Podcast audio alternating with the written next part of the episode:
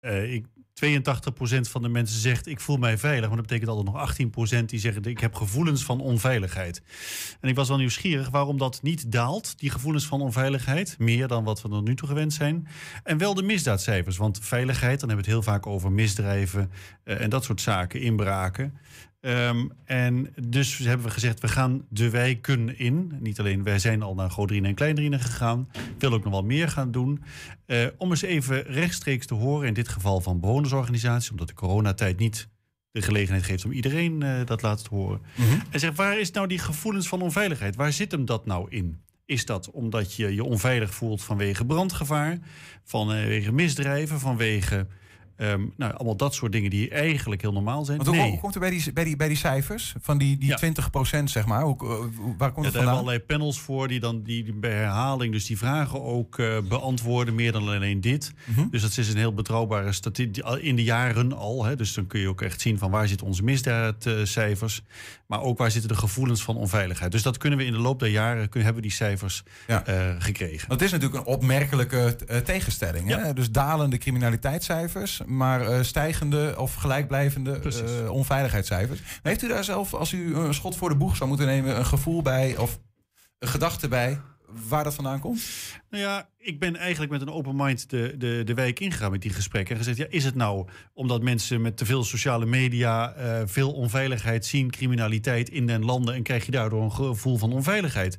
Dat was eigenlijk een beeld dat ik zelf had vanuit die veiligheid werkend. Onder mening, je leest van alles, je ziet van alles, word ik daar zelf onveiliger maar van. Maar niet helemaal vanuit een eigen omgeving ervaren, letterlijk. Zou ik misschien denken. Uh, de elementen die ik nu hoorde waren in de wijk, uh, die zeiden ja, nee, die onveiligheid, die gevoelens van onveiligheid zitten, en dat is het ene woord wat ik eruit heb uitgedestilleerd, mm -hmm. in overlast. Nou, dat, dat, klinkt op zich goed dat het niet over criminaliteit gaat enzovoort. Maar mensen ervaren overlast. Dat kan zo zijn dat uh, hangjongeren tot overlast leiden. Maar wat is de oorzaak daarvan? Het kan uh, vuurwerk zijn. Wat is daar de oorzaak van? Of waar zit hem dat uh, dan in? Hoe bedoelt u de oorzaak daarvan? Van waarvan? Nou, laat ik een voorbeeld geven. Er was een, een voorbeeld van een mevrouw die zei... ja, wij ervaren wel overlast van hangjeugd. Maar, komma, want... Uh, er is te weinig gesnoeid. Uh, uh, het gas staat daar te hoog. We hebben er geen zicht op. En zij, zijn, en zij hebben geen zicht op ons. Met andere woorden, wat is de oorzaak van die onveiligheid? Niet zozeer de jeugd die daar hangt, mm -hmm. hangen mag. Maar um, het feit dat je er geen zicht op hebt. Um, er was vuurwerkoverlast door het jaar heen jongeren die bijvoorbeeld bij de Kasbah, uh, uh, daar, uh, dat, is, dat zijn die woningen op palen. Mm -hmm. Ja, dat knettert mooi onder die palen.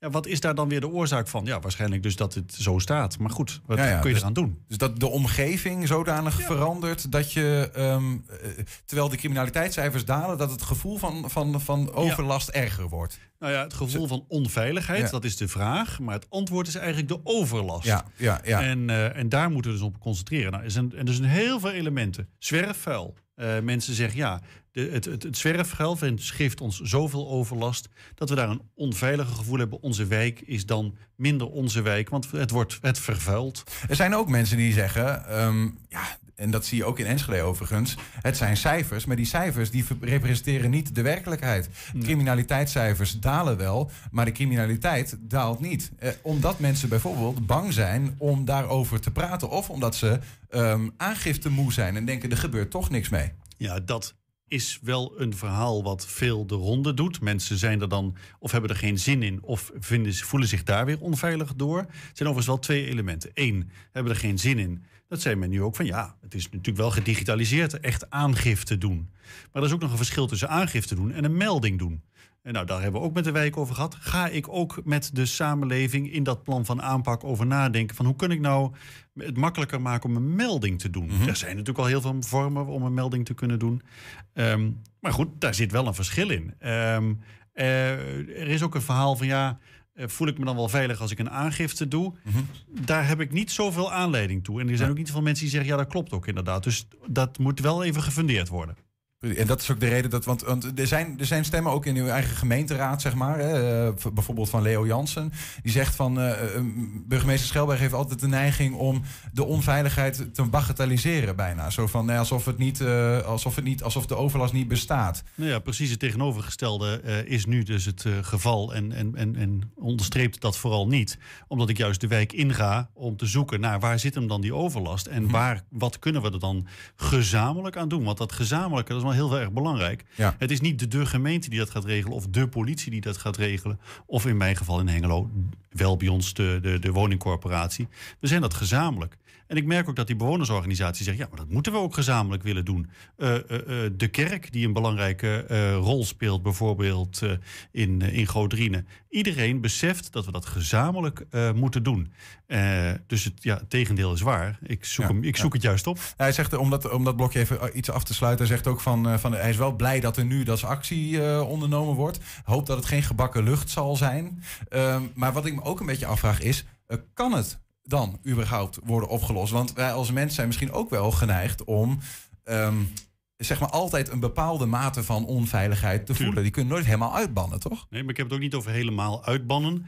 Ik wil dat de, de, de 20% daling is van het, van het aantal mensen wat zich nu Ehm, onveilig voelt mhm. op grond van overlast, op basis van die overlast. Als dat, dat is een eh, relatief hoge eh, ambitie. Nogmaals, Hengelo, eh, en dat heeft niks met bagatelliseren te maken. Sterker nog, het is een hard feit. In de AD-test van elk jaar, de misdaadcijfers, objectief, staan de 100 grootste steden. En die worden op volgorde gezet in Nederland. Ehm, van waar nou de misdrijven. Hè. Dat is echt een misdrijf. misdrijven. Ja. ja. Hengelo, als ongeveer 36e stad in de, in de grote, staat op plaats 89 eh, even uit mijn hoofd. En ik heb wel eens gezegd, ik wil niet in die top 100 eh, komen te staan. Dat is op zich al een formidabel goed cijfer als het gaat om misdrijven. Maar, en dat daalt ook nog steeds, die criminaliteitscijfers. Uh, er zijn ook elementen waar dat nog stijgt. cybercrime, en ook een belangrijk iets, is ook voor gevoelens van onveiligheid. Ook daarvan is het gewoon echt een misdrijf. Is wat minder lokaal? Nou, maar dat is de mens individueel. Het, is, het zijn individuele mensen die zich daardoor ja, ook niet meer veilig voelen. Ik zou bijna zeggen in hun eigen huis, in hun eigen omgeving. Mhm. Omdat je dus wel slachtoffer bent geworden van cybercrime bijvoorbeeld. Ja, ja, ja. maar u, u, maakt zich in ieder geval wel hard voor uh, die cijfers, die dalende criminaliteitscijfers. Dat is ook feitelijk aan de hand. Dat, dat is blijft, niet een vertekend beeld. Dat blijft. Dus ik zeg ook van, nou ja, mijn hoogste ambitie is... ik wil niet meer in de AD-test staan bij de eerste 100. Mhm. Dat is wel een erg hoge ambitie. Maar het geeft mij ook een drive om uh, met de mensen, politie, alle organisaties eromheen zitten... om te zorgen dat je dat niet meer... Maar het gevoel van overlast. Um, dat is een, dat kan beter. een ander level. En dit, dat, of het gevoel van onveiligheid, dat zit er maar net in die overlast. En dat staat niet in die AD-test. Waar, waar, begint uh, de strijd tegen het gevoel van onveiligheid? De strijd van, uh, van, om, om te zorgen dat het gevoel van onveiligheid, dus dat dat daalt, mm -hmm. 20% voor mijn ambitie, zit hem eigenlijk in de gewone dingen en in de, in de zorg dat er veel organisaties herkennen dat dat belangrijk is voor de gevoelens van onveiligheid. Het juiste manier ma uh, maaien, uh, het onderhouden van je woningen, de, het, het, het schoon hebben van je straat, zwerfafval afval wat bijvoorbeeld naast de, de ondergrondse containers wordt eh, geplaatst. Mhm. Al die elementen geven gevoelens van onveiligheid. Eigenlijk heel eenvoudig. Maar zoals Johan Cruijff zegt, je moet het wel zien. Uh, je, moet het, je gaat het pas zien als je het door hebt. Ja, en dat is natuurlijk de truc. Maar dus betekent dat u vooral met organisaties gaan werken die voor dat soort kaders, uh, omgeving, de, hoe de omgeving eruit ziet, uh, verantwoordelijk zijn? Of gaat u ook in gesprek met die inwoner zelf. Ja, dat gaan we dus. Dat is nu even in, in relatie in coronatijd met de bewonersorganisaties. Maar die waren uitermate goed voorbereid. Uh, of van een wijk of van een deel. En die hebben dus met hun eigen inwoners gezegd: van nou, wat, waar zit het bij jullie? Wat kunnen we daaraan doen? Maar ik zag ook onmiddellijk, terwijl ik die gesprekken had, dat er al, al, al gesprekken en afspraken werden gemaakt tussen verschillende organisaties. Ja, daar kunnen we samen wat aan doen. Dat kunnen we dan oppakken. En ook dat zwerfafval, bijvoorbeeld, hebben ze ook in, in, in Hassler S. Is al jarenlang zo'n groep vrijwilligers elke zaterdag dat zwerfafval uh, oppakt. Mhm. Kunnen we deels faciliteren, maar deels willen mensen het ook gewoon zelf doen. Um, nou, als we daar even aan mee kunnen helpen, wie dan ook, of het nou politie is of gemeente of wel bij ons, ja, dan is dat uh, winst. U bent geen voorstander van een meldpunt, geloof ik. Hè? Ja, uh, ik weet niet of jij zomaar even kan zoeken waar is meldpunt A, B of C. Er zijn al heel veel meldpunten. Mm het gaat er vooral om uh, als je de Buiter Beter app gebruikt, die ongeveer hartstikke goed is voor overlast, voor zwerfafval. Die is er dus al. Als het gaat om misdrijven en je durft het niet, dan is meld misdaad anoniem. Maar dat zet blijkbaar nog niet genoeg zo aan de dijk. Nou, uh, de vraag is of wij misschien daar vaker over moeten communiceren. Waar is dat? En misschien bij herhaling, bij herhaling en bij herhaling op alle niveaus. Om aan te geven dat als er elementen zijn, of dat je een moment wil hebben om iets te kunnen melden, mm -hmm. dan is daar het e-, effect. Maar is het feit dat, dat, dat, dat er een meldpunt is, alleen al zeg maar, en dat je weet waar je moet zijn, is ja. dat al, uh, uh, um, draagt dat al bij aan het gevoel van veiligheid? Het zou best kunnen.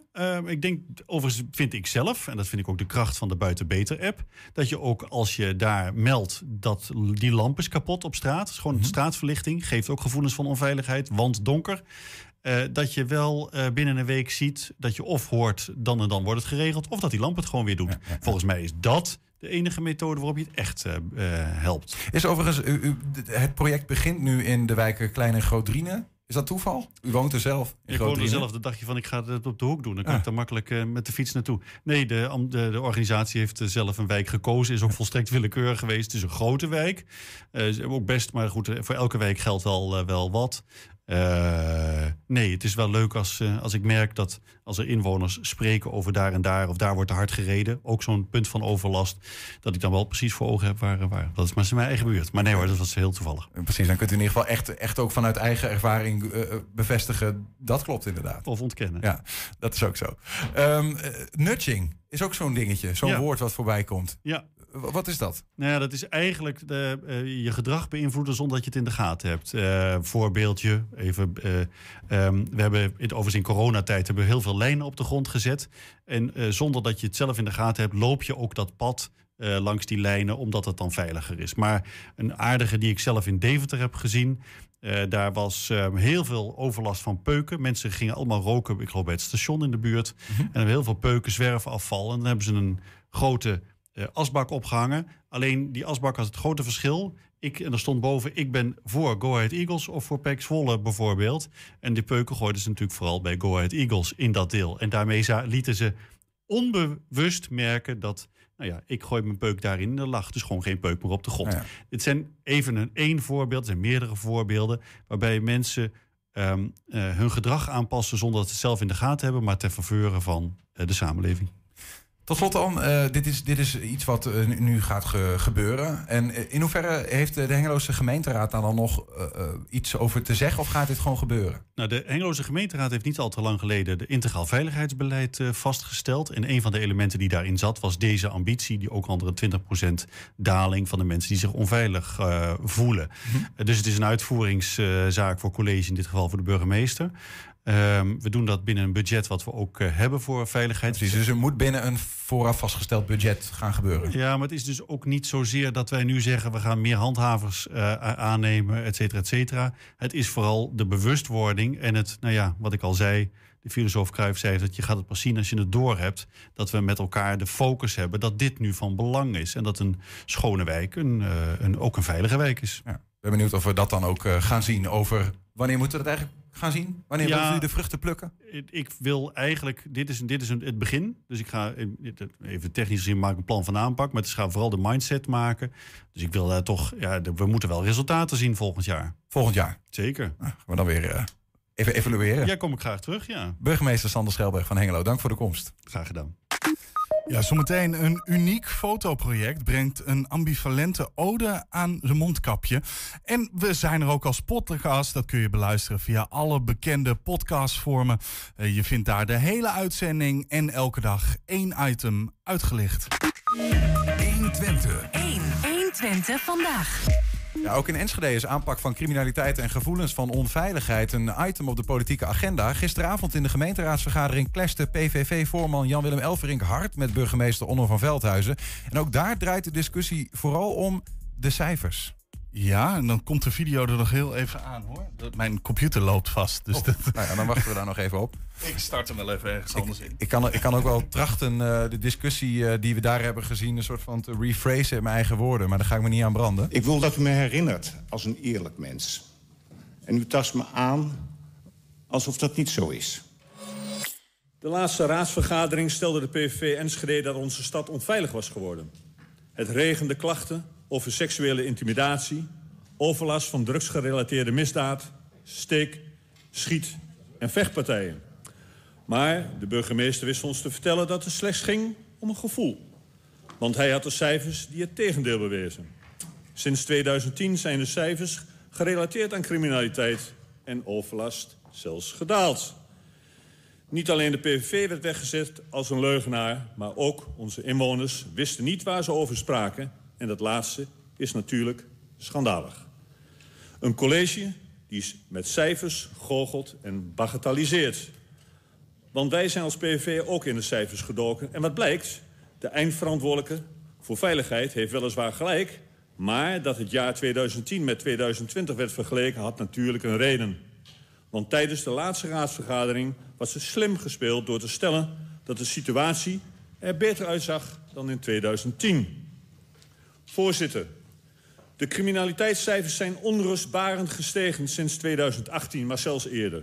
Tot aan nu. Ten minste 12 procent en ernstige delicten zijn zelfs verdubbeld. Eigenlijk kun je stellen dat sinds het aantreden van dit college... de criminaliteitscijfers fors zijn gestegen. We hebben daarom ook de volgende vragen. Waarom houdt het college deze informatie achter... en heeft hij dit niet gedeeld met de gemeenteraad... Wat vindt het college van deze cijfers en zijn ze trots op deze ontwikkeling? Wat gaat het college doen om weer een dalende trend in te zetten? En kunt u ons uitleggen hoe het mogelijk is dat er grote verschillen tussen de CBS en de politiecijfers zijn? Daar is meneer Elverink. Ja, ik eh, zal zeggen dat het buiten kijf moet staan. En dat we dat ook wel weten. Dat we echt allemaal erg ons best doen op de veiligheid. En ehm, waar ik moeite mee heb, is met uh, de stelling dat uh, het niet zo is. En uh, daarna wordt ook burgemeester en het college neergezet op een plek waar het college en de burgemeester echt helemaal niet horen. En dat is ook een vrij eenvoudige en klassieke retorische truc uh, iemand neerzet in een bepaalde hoek... en dan moet hij zich daarop gaan verdedigen. Maar meneer Elverink, ik neem daar afstand van. Uh, echt. Uh, en als u het moet hebben van zulke op de man gerichte argumenten... dan is, doet dat altijd erg twijfelen over de rest van de argumenten. U moet die helemaal niet nodig hebben als uw zaak deugt. We hebben in de commissie gesproken. Ik heb u toen in het openbaar ten volle gelijk gegeven... dat het met de drugsoverlast niet de goede kant op gaat. Ik ben van de inhoud en ik ben echt eerlijk. Ik wil dat u me herinnert als een eerlijk mens. En u tast me aan alsof dat niet zo is. En u weet dat dat zo is. Dus laat dat niet anders zijn, alsjeblieft. Want dat is ook een vorm van normvervaging in dit huis... waar onze inwoners helemaal niets mee opschieten als wij hier dagdagelijks in elkaar pijltjes lopen te gooien... daar wordt het buiten niet veiliger van. Echt niet. En de geloofwaardigheid van de politiek neemt er niet toe. U bent niet mijn tegenstander. En ik ben de uwe niet. Wij staan samen zij aan zij voor de veiligheid van de inwoners van deze stad. En ik wil graag van u horen. Bent u nu de tegenpartij of bent u de medepartij? Ik respecteer u en ik hoop dat u dat ook met het college doet... wat gewoon iedere dag stinkend hard werkt, naar vermogen... om het te laten lukken. Daar hebben de mensen wat aan. Dank u wel. Uh, natuurlijk uh, staan we zij aan zij, uh, burgemeester. Laat het even heel duidelijk zijn. ook van de PVV hebben we maar één ding wat heel belangrijk is... en dat is een stukje veiligheid hier. En ik moet zeggen, u speelt de bal nou naar mij... Maar de vorige raadsvergadering heeft u heel duidelijk gezegd... joh, het is allemaal niet zoals jullie dat stellen. Ja, we vinden het vervelend, de criminaliteit. Maar de cijfers zijn in vergelijking van 2010 tot nu... zijn zelfs beter geworden. Dus er is minder criminaliteit in onze stad. Nou, dat is en was dus gewoon niet zo. En daar heb ik op uh, proberen te reflecteren. Ja. En dat is ook belangrijk dat iedereen uh, doordrongen is van het feit... wat er nu in onze ja. stad gaande is. En daar heb ik op willen doelen. Ja. En voor de rest uh, krijgt u mij de hand, uh, uh, zodat we samen maar, kunnen optrekken in, tegen de misdaad. Zullen we dan afspreken, meneer Elfrink, dat we argumenten op de man gewoon laten? Want dat is helemaal niet nodig. En je kunt dezelfde dingen anders zien. Daar zitten we hier voor, voor dat gesprek met elkaar. En als u het nodig heeft, die stijlfiguur... Nou, de volgende keer dan alsjeblieft iets subtieler en iets origineler. Want uh, deze is echt uitgekoud. Niet meer doen. Uh, mag ik daar nog even op antwoorden? Via de voorzitter uiteraard. Uh, ja, we blijven wijzen op het feit uh, dat de criminaliteit hier in de stad is. En dat zullen we op originele wijze ook blijven doen. Ik dank u. Ja, dank u meneer Elverink. En ik blijf er gewoon aan werken, meneer Elverink. Met u. Dank u wel. Ja, tot zover die discussie gisteren in het Enschedeze gemeentehuis. Dan mondkapjes. Ze hoeven bijna niet meer. We nemen afscheid van een iconisch tijdsobject. Hopelijk voor goed, al bestaan er de nodige twijfels over. Maar daar staan we verder maar even niet bij stil. Ook Annabel Juring, zo'n beetje de Enschedeze chroniqueur van dit bijna voorbije coronajaar, zegt het mondkapje vaarwel. Maar dan wel op haar eigen manier, namelijk met een fotoserie. Een veelzeggende fotoserie, niet in de laatste plaats omdat de vereeuwigde mondkapjes van straat zijn geplukt. Zwerfafval dus, opgeraapt door leerlingen van de Enschedeze middelbare scholen. Annabel is bij ons aangeschoven samen met Heidi Dellemal, trekker van uh, het hashtag mondkapje geen zwerfkapje project. Welkom beiden. Dankjewel. Leuk dat jullie er zijn. Annabel, om bij jou te beginnen. Um, je hebt uh, corona wel helemaal van begin tot eind uh, uitgemolken ja. hè, bij deze. Ja, je zou het bijna zo kunnen zeggen. Het is niet zo doelbewust geweest, maar inderdaad. Het is, ik heb er veel uitgehaald. Ja. ja. Is dat, heeft dat, uh, is dat een reden? Zeg maar, zou je daar, als je daar een verklaring voor zou kunnen geven? Um, nou ja, ik vind die um, sociale projecten gewoon heel erg leuk. Daar heb ik heel veel lol in. En Um, ja, tijdens het hele corona-jaar of anderhalf jaar, ja, kwam je zoveel van dat soort situaties tegen. En ja, dat wekt gewoon heel veel interesse bij mij.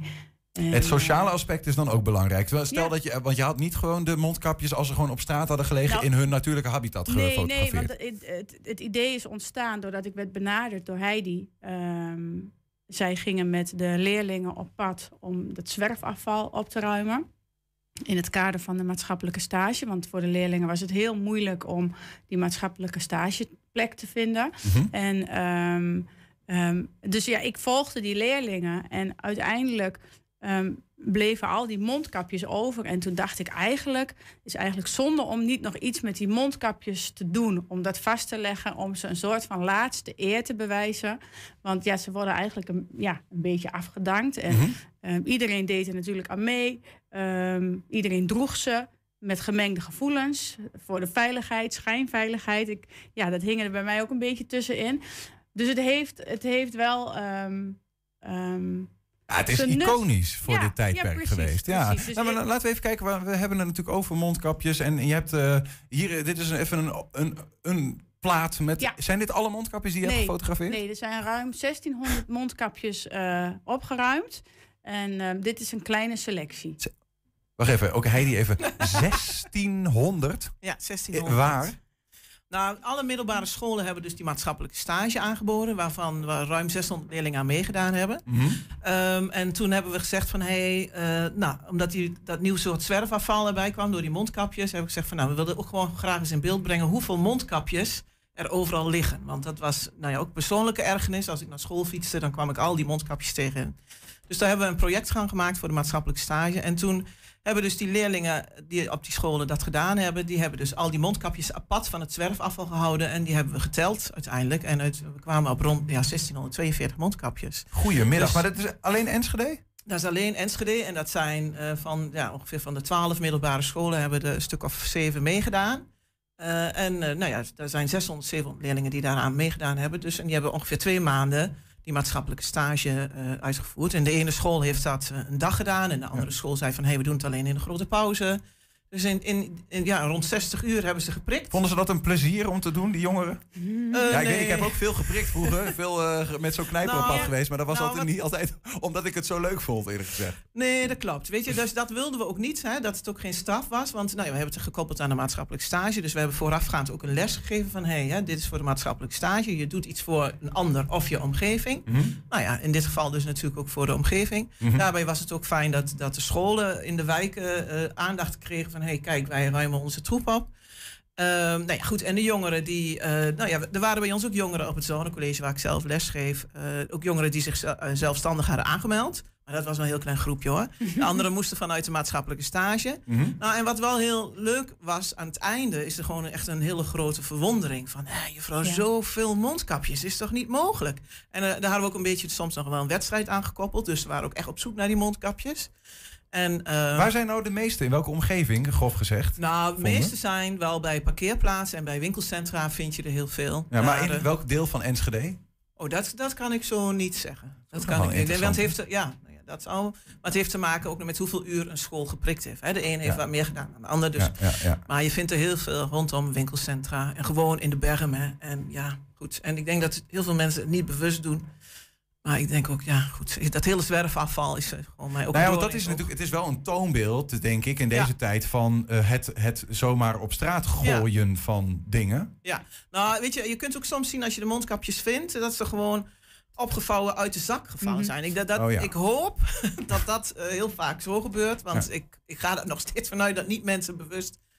Ook wat ik, ik begrijp wel is dat. Ja. eh, eh, jongeren in deze tijd eh, toch wat milieubewuster zijn en soms wat bijna activistischer, zeg maar, dan, dan ouderen. Hoe, ik weet niet of dat waar is, maar dat, dat zit ergens in mijn kennisschors dat ik dat wel eens heb begrepen. Ja. Hoe, heb je dat, eh, hoe hebben die leerlingen, wat je zegt al, die hadden verwondering over die 1600 Ja. mondkapjes. Ja. Hoe kijken zij tegenover zo'n zwerfafvalprobleem? Nee, dat vinden ze. Ja, als ze ermee bezig zijn. Kijk, ik bedoel, sommigen die zeggen van oké, dan heb ik mijn maatschappelijk stage klaar. En eh, klaar, juffrouw, hier heb je mondkapjes en dan mag ik nu naar huis. Mhm. Dus dat, die zijn er ook zeker. Maar wat het mooie is, dat leerlingen achteraf dus pas zeggen van nou, juffrouw, ik gooi nooit meer wat weg hoor. Want er ligt zoveel. De, ja, en dat is dus eigenlijk die verwondering achteraf. Is dat, en iedereen schrikt ook van het aantal mondkapjes. En ik denk nogmaals, het zijn niet alleen jongeren, maar het zijn ook de ouderen die natuurlijk gewoon met, die- met dat hele zwerfafval. Ik bedoel, kijk in de bermen en Ja, overal. ja, hè? ja. Ja. Annabel, ehm, het is ook een beetje een ode aan de mondkap, Ja. toch? Ja. Ze, want ja, als je daar eh, dat gevoel, want je be- beschreef dat net al een beetje, dat gevoel van eh, wat, wat betekent die mondkap? Hoe kijk je daar als fotograaf naar, zeg maar? Naar zo'n zo'n object zoals het eruit ziet? Ja, weet je, ik, ook met dat stukje gras er nog aan. Ik vind het gewoon heel veelzeggend. Dat, dat ding heeft zijn ehm, dienst bewezen, heeft zijn werk gedaan. En ehm, ja, die is nou eigenlijk een beetje afgedankt. En eh, ja, die, die, die ligt daar te wachten. En, ehm, terwijl die toch echt van nut is geweest. En ehm, ja, dat, dat, dat vond ik een mooi gegeven. Dus ik denk, nou, ik ga hem mooi aan een zilveren hangetje. En ehm, een goede flits erop zodat hij nog eens even goed in die spotlight komt te staan. Voordat we echt dat, dat ding vergeten. Want dat willen we natuurlijk ook. We gaan hem ook nooit meer anders, want ik herinner me voor coronatijd dat je ook wel eens vooral bepaalde mensen eh, met mondkapjes opzag. En dat ik dacht, wat is dit nou weer, joh? Eh, behalve de tandarts dan. Eh, maar je gaat er toch vanaf nu altijd anders naar Ja, kijken. Want je kon je niet voorstellen dat je met z'n allen met zo'n mondkapje op ging lopen. Ik, ik dacht op een gegeven moment, nou, dat- ik denk een paar maanden voordat het hier ook werd ingevoerd, Mhm. hadden we dat ons echt niet kunnen voorstellen dat iedereen met zo'n mondkapje op ging lopen. En ehm, ja, ik, ik vroeg mij ook echt wel af of nou ehm, het echt zo functioneel was of eh, dat het echt zijn werking zou doen. Maar ja, voor het, voor het grote goed draag je dat ding en dat deed vrijwel iedereen. Ja, ook dat is een interessant eh, aspect van zo'n mondkapje. Dat het voor velen ook het toonbeeld is van het eh, onschapengedrag. Hè? Ja, Zo van, we doen ja. het maar gewoon omdat Ja. iedereen... eh, op een gegeven moment werd het ook natuurlijk een wet. Wat mij trouwens zelf opviel, als je nu in de supermarkt komt... draagt bijna er Nee. echt niemand er meer. Hè? Dus iedereen heeft het ook wel echt gedaan vanwege de wet, Ja. bij wijze van. Ja, ja, Ja. en ik betrap me er soms ik denk, oh shit, waar is, waar is dat mondkapje? Weet je, Ja, dat je bijna, ik moet nu eigenlijk weer, weer afkicken van het mondkapje. ja. Heidi, we, we hebben ook nog een foto, geloof ik, van eh, een van, eh, van, of van meerdere zwerfvel-collectanten, om het zo maar te zeggen. Even om een beeld te krijgen bij die, eh, bij die leerlingen. Is het nou. ehm, kijk, Ja. dit is ook weer prachtig gefotografeerd. Het is niet zomaar even een. eh, Nee. Zeker niet. wie, wie is dit? Wie hebben, met wie hebben we hier het- te maken? niet, zo te zien is dit eh, li- aan, aan de foto te zien aan het gebouw. Aan de achtergrond is het volgens mij een leerling van eh, van, van de Waalslaan Bonhoeffer Ja. College. Geweldig, ook echt Ja. eh, posen zo met die, met die stok Ja. van kijk wie dan. Ja, Ja. Maar mooi. zij vond het echt leuk. Ze vond het echt leuk. En eigenlijk alle leerlingen met Ja. wie ik heb meegelopen, die hadden er echt wel lol in. Vanwege de wedstrijd? Ook, maar ook ze zagen ook wel het nut. En, ehm, ehm, en ja, zij vond het gewoon heel leuk, maar ook super fotogenieke meid. En eh, ondanks dat ze met een vuilniszak staat en met zo'n, eh, hoe heet Ja. zo'n ding ook alweer? En die hoop. Die, die Eh, ringen en- die zijn, die zijn trouwens, dat wil ik ook wel even benoemen, zijn gesponsord door de gemeente Enschede. Hè? Want die, Ja. eh, nou, die dragen de maatschappelijke stage altijd een heel warm hart toe. Wat is gesponsord? Ja, die, al die streetmasters, dus die, ja, ik noem ze maar die grijpers en die ringen. ja, ja, Elke ja. school heeft eh, tien van die grijpers en tien van die ringen gekregen van de gemeente Enschede. Die hebben dat gesubsidieerd, want die zijn best wel prijzig. Mhm. En ook met het idee dat we dit project, wel in veel kleinere eh, schaal natuurlijk, eh, volhouden voor de toekomst. Hè? Dus dat school ook verantwoordelijk blijft voor de schoonmaak in de wijk van de omgeving. ja, ja. We, we hebben nog, we hebben nog een beeld, eh, Annabel, van, eh, van een jonge man met een, die een soort, als een soort van eh, You Shall Not Pass eh, Ja. Gandalf-staf. Ja, eh, gewoon een strijder. Die strijdt tegen het zwerfafval. Ja, precies. nice. Is dit trouwens, nou Heidi, ehm eh, de- want die mondkapjes zijn een deel van de, de afvalberg die de coronamaatregelen Ja. hebben opgeleverd. We- weet je daar iets van over wat heeft het nog meer voor zooi met zich meegebracht? Nou, we hebben niet alleen die mondkapjes, we hebben gewoon echt zwerfafval ook eh, verzameld. Dus dat waren eh, rond de 300 zakken van 60 liter. Die ook in die, in die tijd uit de wijk zijn uitgeplukt, zou ik maar zeggen.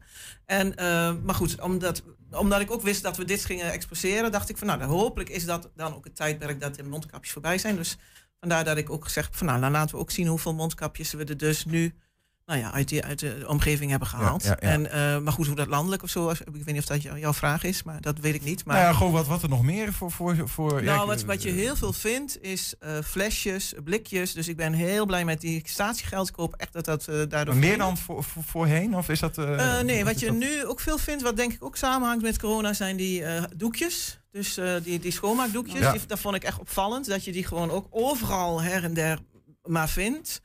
Ehm, nou ja, heel veel eh, snel wegwerpverpakkingen. Dus eh, bijvoorbeeld dat, dat wat gegeten is. Hupsakee, ja. En vooral flesjes dan. En, en ook wel van die sudrantspakjes en dat soort gein. Ja. De opruimactie krijgt in ieder geval eh, vervolg, hè? Dit is blijkbaar. Dus Ja, als ja, ja, in- dit is voor de toekomst. Blijven we dit de leerlingen als project aanbieden voor de maatschappelijk stage. Maar dan veel kleiner. Dan moet je bijvoorbeeld zien dat wij op, eh, bijvoorbeeld op de zone zeggen voor tien leerlingen. Hey, je kunt je want, want ehm, nou ja, dit project was er ook om, dus, om de maatschappelijke stage ook weer even aandacht te geven. Want die heeft, heeft dus twee jaar lang niet door kunnen gaan vanwege de lockdown. En toen hadden we zoiets van, hey, dan willen we toch die maatschappelijke stage weer aanbieden. Want het is ook een onderdeel van burgerschap, wat ook verplichting is vanuit het onderwijs. Mhm. En, ehm, en dus, maar goed, omdat het project is gewoon hartstikke mooi, ook voor de wijk en de school. En toen heb ik gezegd van, nou weet je wat, dan blijven we dit aanbieden, Ja. maar wel veel kleiner. Ja, en, en als we eh, meneer Schelberg eh, mogen geloven, als dat- die gaat dat nu onderzoeken, is mogelijk zwerfafval ook een reden voor gevoel van onveiligheid. Dus als je ze weghaalt, Ja, ja, voelen ja. we ons wat veiliger. Ja. Nou, dus het snijdt aan heel veel kanten. Ja, Ehm, dat is niet het enige ding wat vervolg krijgt, want je noemde het al even. de- eh, een expositie komt er dus blijkbaar aan. Ja. Eh, hoe en wat? Waar? Wanneer? Eh, de, de tentoonstelling is ehm, eh, in het oude werkpleinpand aan de Korte Hengeloze straat in Ja. Enschede. Achter die eh, ramen. En ehm, morgen is de officiële opening om. kwart over drie, door kwart. Jurgen En- van Hout, Ja. de wethouder. En Ja. de hele zomervakantie zijn, zijn die foto's te zien.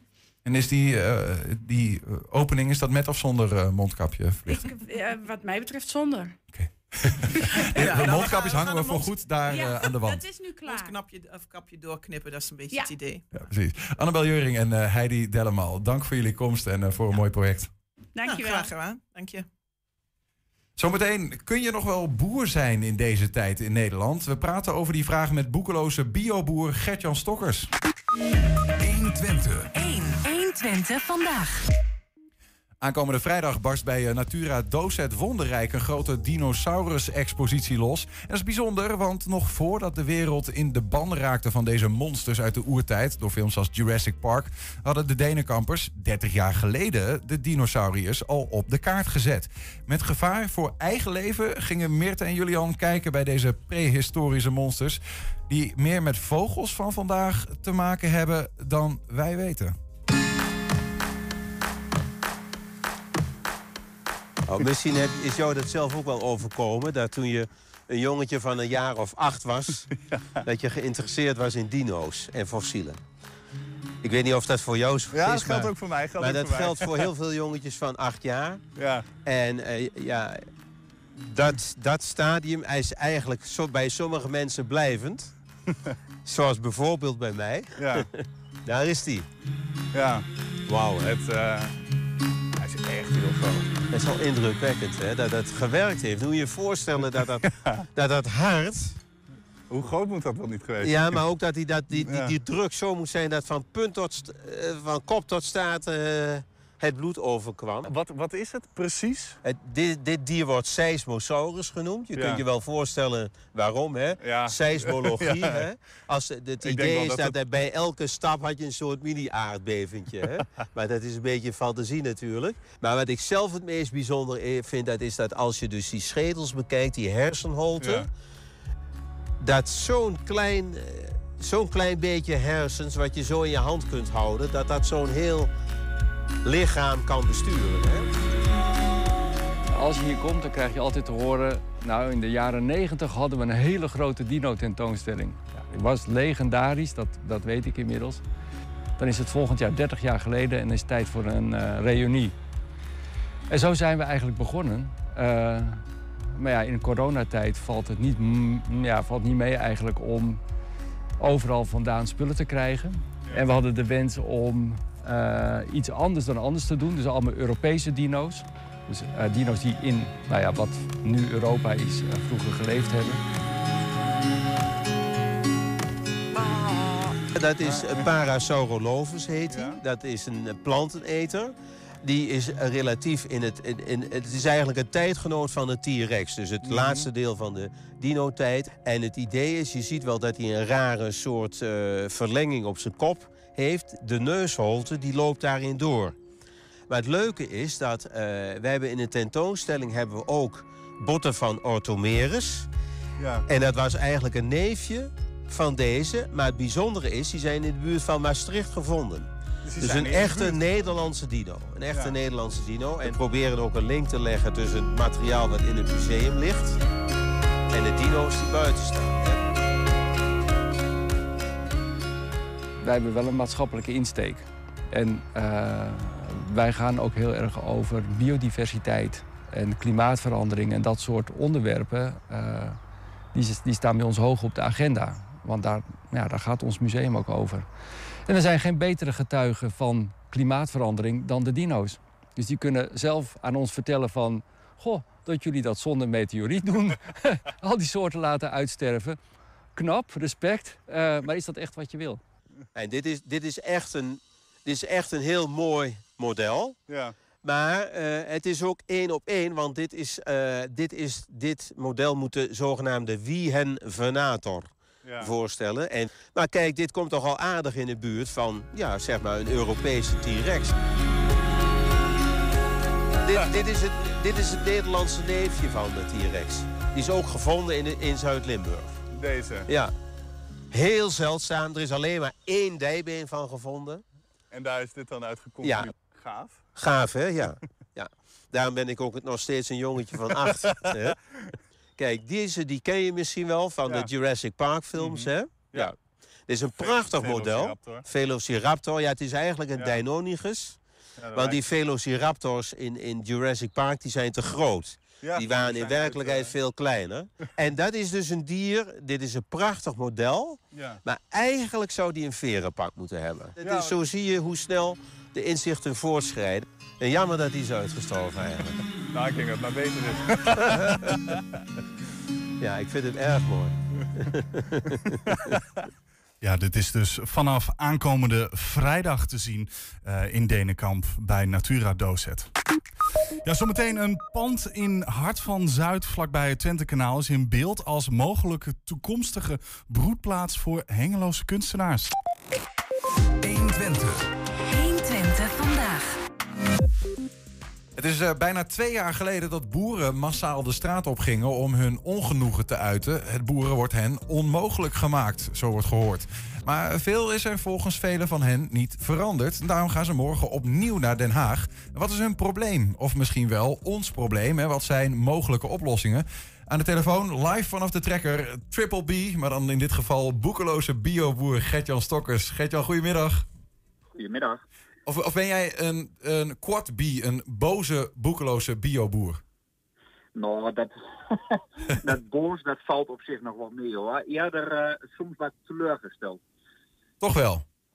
Ja, ja, ja, eh, teleurgesteld. Met name kijken eh, eh, dat alles vrij makkelijk en snel altijd op de landbouw wordt afgeschoven. En niet alleen op de biologische landbouw, want dat is vanochtend stond dat ook groot in de krant. dat zelfs de biokoe het stikstofprobleem niet ging redden. Maar nee, de landbouw in zijn geheel eh, is toch wel vaak een makkelijke prooi om het een en ander op af te schuiven. Ja. Want even om dat wat te kaderen, waar heb je het dan over? Wat zijn de grootste ja, problemen van, van boeren in deze tijd? Waarom morgen opnieuw de weg naar Den Haag wordt gemaakt? Nou ja, op het moment is het heel eh, hot item is het stikstofprobleem. er zijn Europese regels waar alle Europese landen aan moeten voldoen. En dat gaat met name om de eh, stikstofuitstoot en eh, de stikstof eh, die uitgestoten wordt.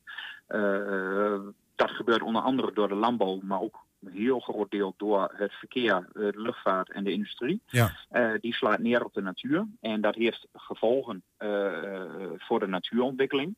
Nou hebben ze daar, ze doen daar natuurlijk constante monitoring en ze meten van allerlei waarden. En eh, eh, nou ja, je ziet dus dat Nederland is een relatief klein land waar veel landbouw is. Er zijn relatief veel boeren. Ehm, eh, en veel dieren in dit land. En daardoor is de, eh, de verhouding een beetje scheef. Dus als je vergelijkt met een land waar dus eh, veel meer grond is. Ja. In Nederland wordt er relatief intensief geboerd. Dus veel dieren op een kleine ruimte. Dan lijkt die stikstofwaarde heel erg hoog. En daardoor eh, eh, wordt er nu gezegd van eh, jongens, de stikstofuitstoot die moet omlaag. En hoe gaan we dat bereiken? Ja. Ze kijken gewoon. Maar lijkt die stikstofwaarde hoog, Gert-Jan, of, of, of is het De ook gewoon hoog? stikstofwaarde is, die is hoog. Maar het, het grappige is dan wel weer, het grappige of hetgene, en daar ben ik dan wel wat teleurgesteld in. er worden metingen gedaan, die stikstofwaarde is hoog. Door de hele corona gebeuren de laatste eh, jaar, anderhalf jaar, heeft de luchtvaart zo'n beetje helemaal op zijn gat gelegen.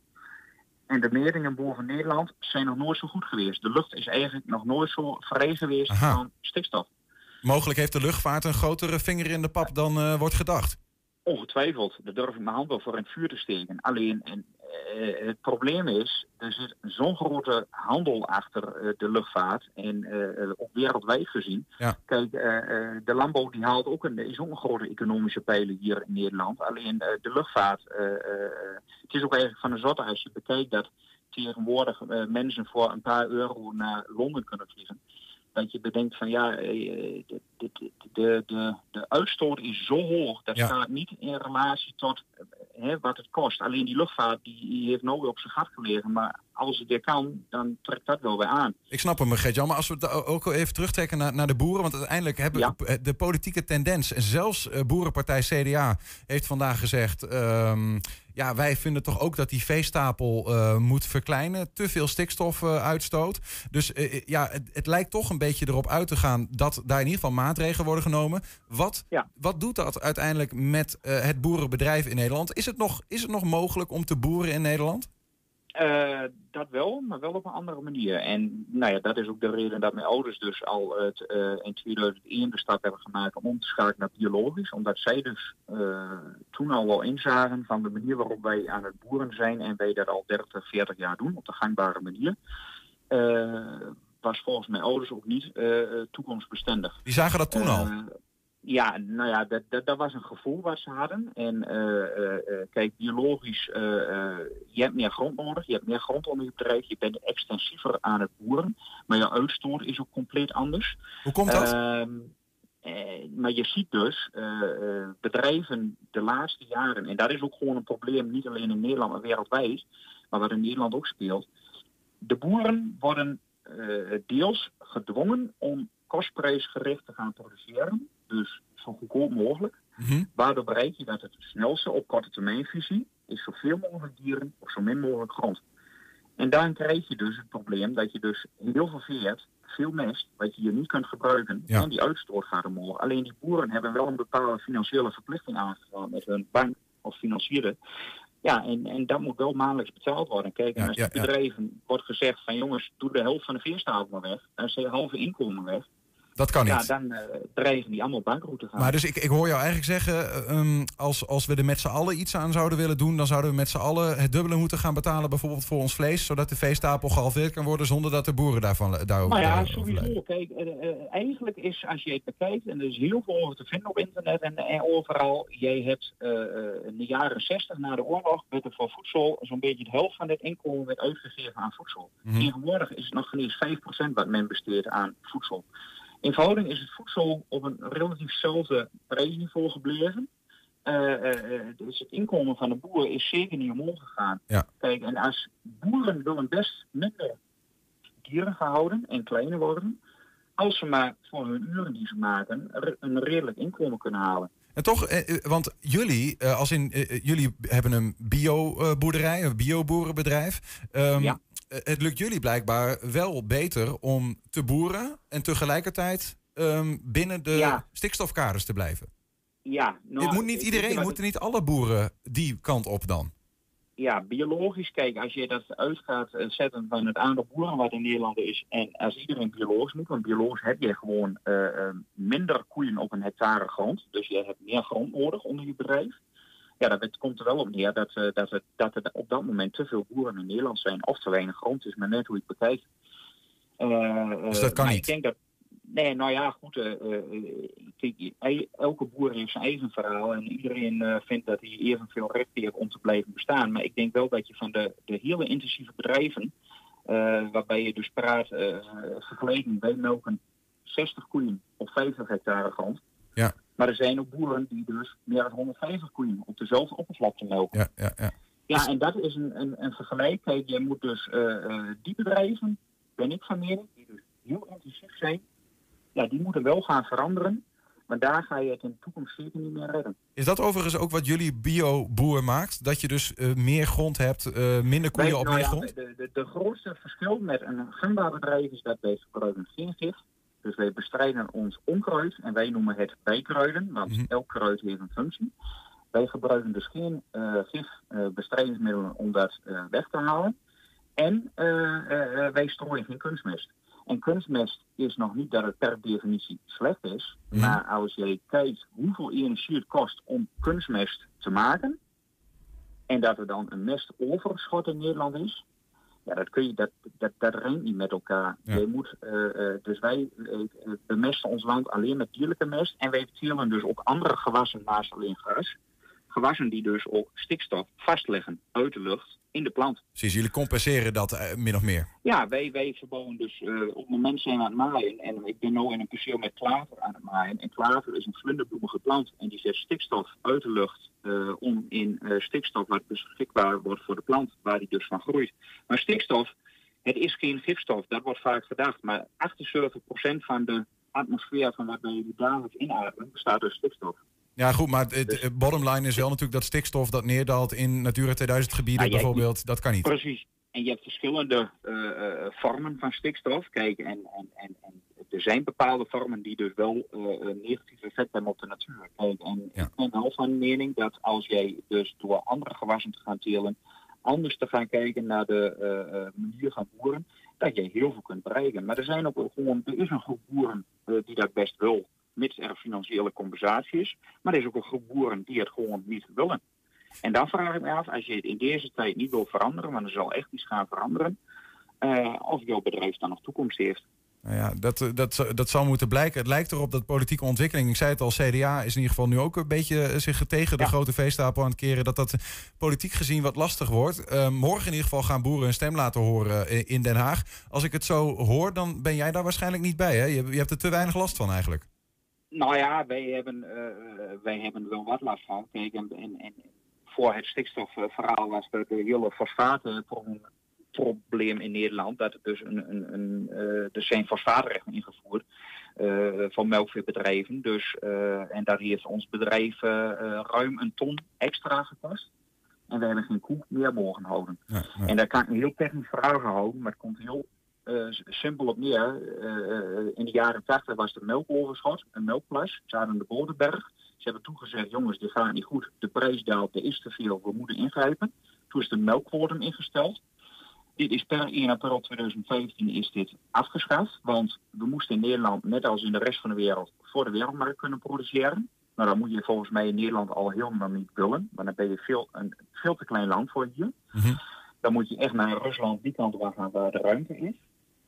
Maar op een gegeven moment, drie maanden later, bleek dus dat in Nederland in één keer weer veel te veel melk kwam. Omdat boeren allemaal geïnvesteerd hadden in grotere nieuwe stallen. Deels gedwongen door investeerders, door banken. Ja, Die zeiden, je kunt pas een financiering krijgen als jij niet 10 koeien meer houdt, maar 60 koeien extra. Eh, boeren hebben dat gedaan. Er kwam te veel melk. En ze hebben in september 2015 met terugwerkende kracht eh, eh, juli 2015 als pijldatum genomen. Het aantal dieren wat je op dat moment had, is jouw, jouw nulmeting zeg maar, voor jouw bedrijf. Zoveel rechten krijg je om dieren te houden. Nou, dat pakte bij ons bedrijf. We hebben net wat koeien naar de slag gedaan. Heel nadelig huis. En dat Ja, geintje ja. heeft ons dus meer dan 100.000 euro gekost. Kortom, je begrijpt het sentiment van die, van die boeren die, eh, die, die gaan eh, wel. Ehm, eh, tot slot dan Gert-Jan, CDA-Kamerlid Boswijk, die zegt in AD dat hij morgen op het Malieveld ook zal spreken. Staan hem pek met veren te wachten, denk je? Want ja, dat is natuurlijk van nature een beetje de partij waar de boeren hun hoop op Ja. hebben gevestigd. Ja, ik denk dat hij niet heel hartelijk ontvangen gaat worden. Kijk, het is natuurlijk een emotie en dat snap ik ook. De eerste keer met demonstreren op Malieveld ben ik zelf bij geweest. En het was een heel bijzonder gevoel. En ook eh, eh, de, de, de, de boeren, de- je bent daar met elkaar en, en, en je voelt je in. En er is heel veel emotie. En er zijn bedrijven waar het water echt aan de lippen staat. Kijk, eh, de- dat is bij ons gelukkig tot nu toe nog niet het geval. Nee. Maar dan kan ik me voorstellen dat die emoties hoog oplopen. En dat dus zo'n iemand die daar staat, dat hij best wel eens een lading, eh, nou ja, letterlijk een figuurlijk stront over zich heen kan krijgen. We gaan het volgen. In ieder geval dank voor eh, deze uiteenzetting van hoe jij er tegenaan kijkt. eh, bioboer uit Boekelo, Gert-Jan Stokkers. Ja, dankjewel. Straks Robert van der Meulen met de column van de dag. En heb je een tip voor de redactie? Mail dat naar info.120.nl 120. 120 Al meer dan tien jaar roepen de professioneel beeldend kunstenaars in Hengelo om een eigen podium, een tentoonstellingsruimte waar kunstenaars elkaar en hun publiek kunnen treffen. Nou, er gloort hoop, hoop aan de horizon. Een pand aan de Oude Boekelooseweg 31 in Hart van Zuid, vlakbij het Twentekanaal, is namelijk in beeld als mogelijk toekomstige broedplaats. Kunstenaars werden afgelopen week rondgeleid samen met de wethouder van cultuur, Bas van Wakeren. Staan hier bij het eh, oude Muller Co., een eh, geweldig oud bedrijventerrein. En eh, dit zou de toekomstige broedplaats voor de Hengeloze kunstenaars kunnen worden. Daarom heb ik ze vandaag allemaal uitgenodigd, samen met de wethouder Bas van Wakeren, om te kijken of dit inderdaad wat is. En gelukkig is iedereen dol enthousiast. We gaan straks een rondleiding beginnen, eerst over de eerste verdieping. Dat is de gang waar de meeste interesse is voor iets wat betreft ateliers. Gaan we nu achter Robin aan het eh, terrein over. Ja.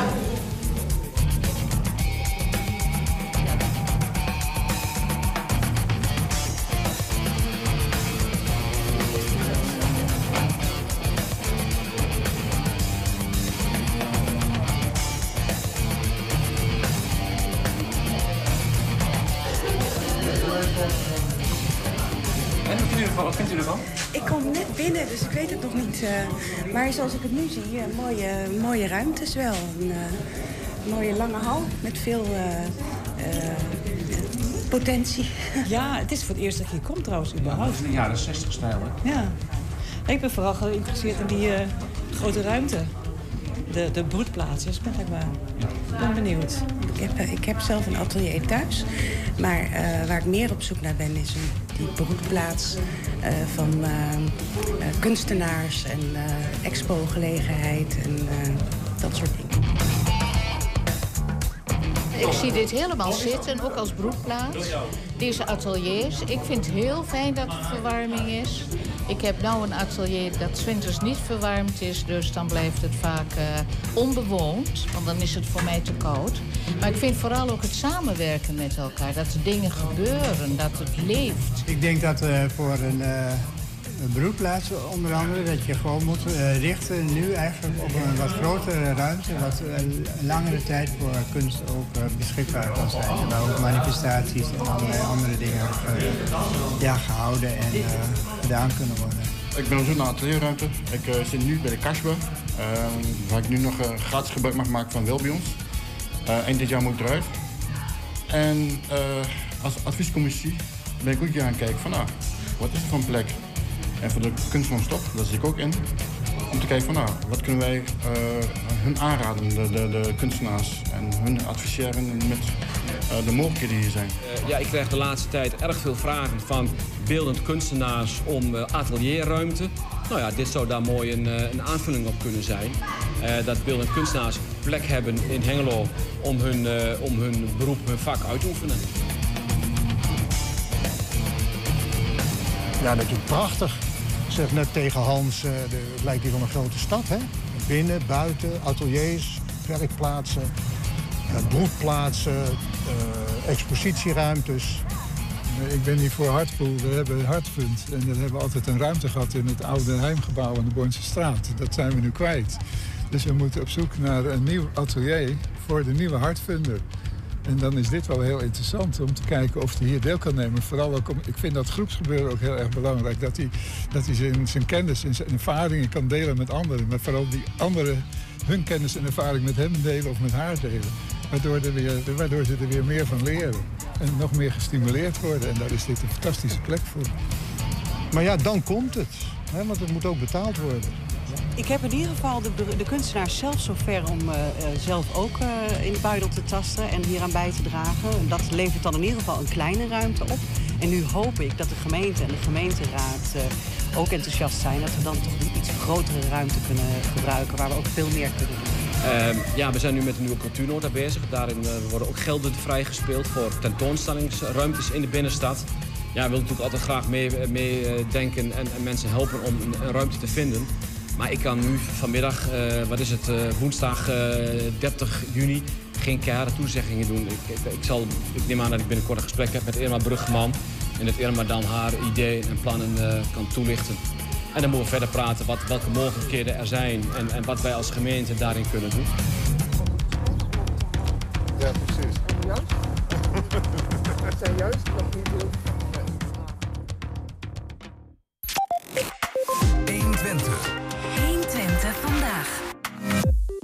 Tot slot aan het einde van deze uitzending Robert van der Meulen met de column van de dag. Bij vrienden van ons hangt de vlag uit. Zo'n lief is geslaagd. Iedereen blij, dat moet gevierd, dat is prachtig mooi.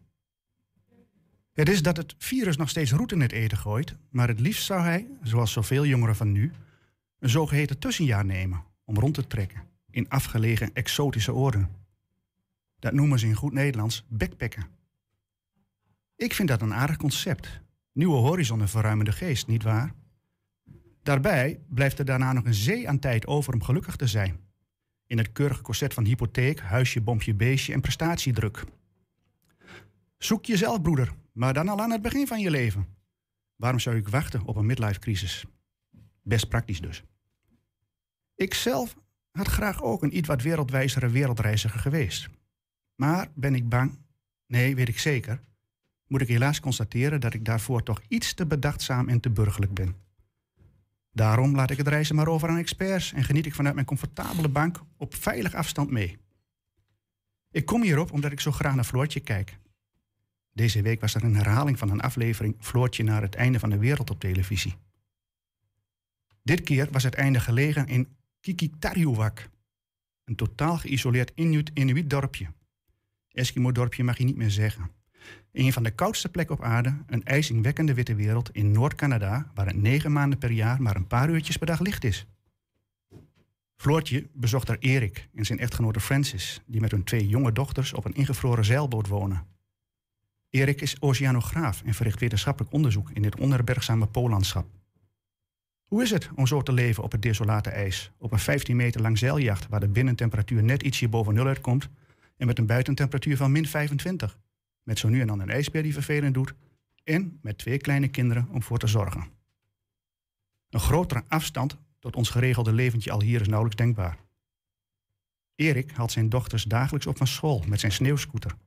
Het gaf mij een beklemmend gevoel, die oneindige witte wereld zonder bomen waar blaadjes aan groeien in de lente en die eraf vallen in de herfst. Een eendimensionale wereld zonder seizoenen.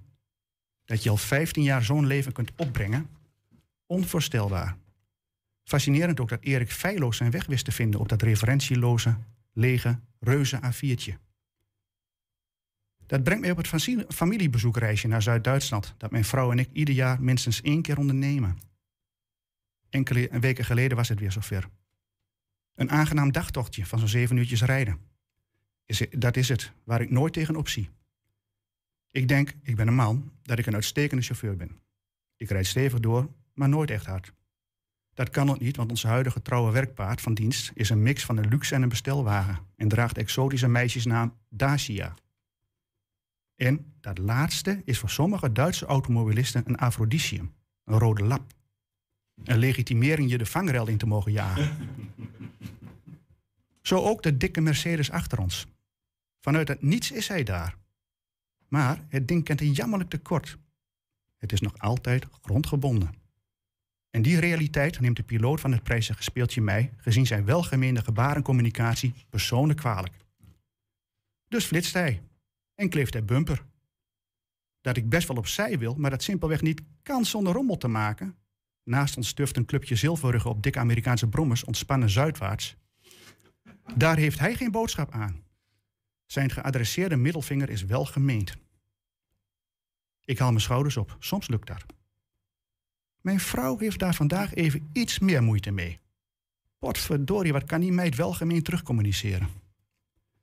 Het wordt zo erg dat ik moet denken aan een scène uit de prachtdocumentaire Het Beste voor Kees. Die Kees is een hoogbegaafde, eloquente, autistische man van middelbare leeftijd die nog bij zijn ouders woont. En dolgraag uit wil vliegen, maar omwille zijn handicap veel beperkingen, eh, beperkingen ervaart bij dat streven. Bij zijn moeder in een auto raakt hij overprikkeld door een gelijksoortige bolide met witte kentekenplaten. Hij wenst de bestuurder een fijne melange aan inmiddels bedwongen ziektes toe. En passant neemt hij heel Duitsland mee. Hij wenst alle Mofrikanen, ook zeer welgemeend, veel waterstofbommen toe. Soms lijkt mijn vrouw een beetje op Kees. Nee, een aardig dagtochtje reizen is ons wel genoeg. Naar het einde van de wereld moesten wij maar niet gaan. Daarvoor zijn wij te bedachtzaam en te burgerlijk. Hoewel mijn vrouw jaloers is op de tolerantie van sneeuwscooterbestuurders in Kikitariuwak. Ze jagen je daar nooit de vangrail in. En dat was de column van Robert van der Meulen. Tot zover 120 vandaag. Terugkijken, dat kan direct via 120.nl vanavond. eh, volgens mij 8, eh 10, eh, 12. Ga gewoon terugkijken. Om de twee uur zijn we te zien. Zometeen hier Henk Ketting. Veel Tot plezier. morgen. 120. Weet wat er speelt in Twente. Met nu het nieuws van 4 uur. Ik ben Cornelie Krietenmeijer. Goedemiddag. Mensen die net volledig zijn gevaccineerd, moeten voortaan twee weken wachten voor ze toegang krijgen tot feesten en evenementen waar ze geen afstand kunnen houden. Je mocht nu al meteen naar binnen. Maar het kabinet past de regels aan vanwege de vele besmettingen in het uitgaansleven.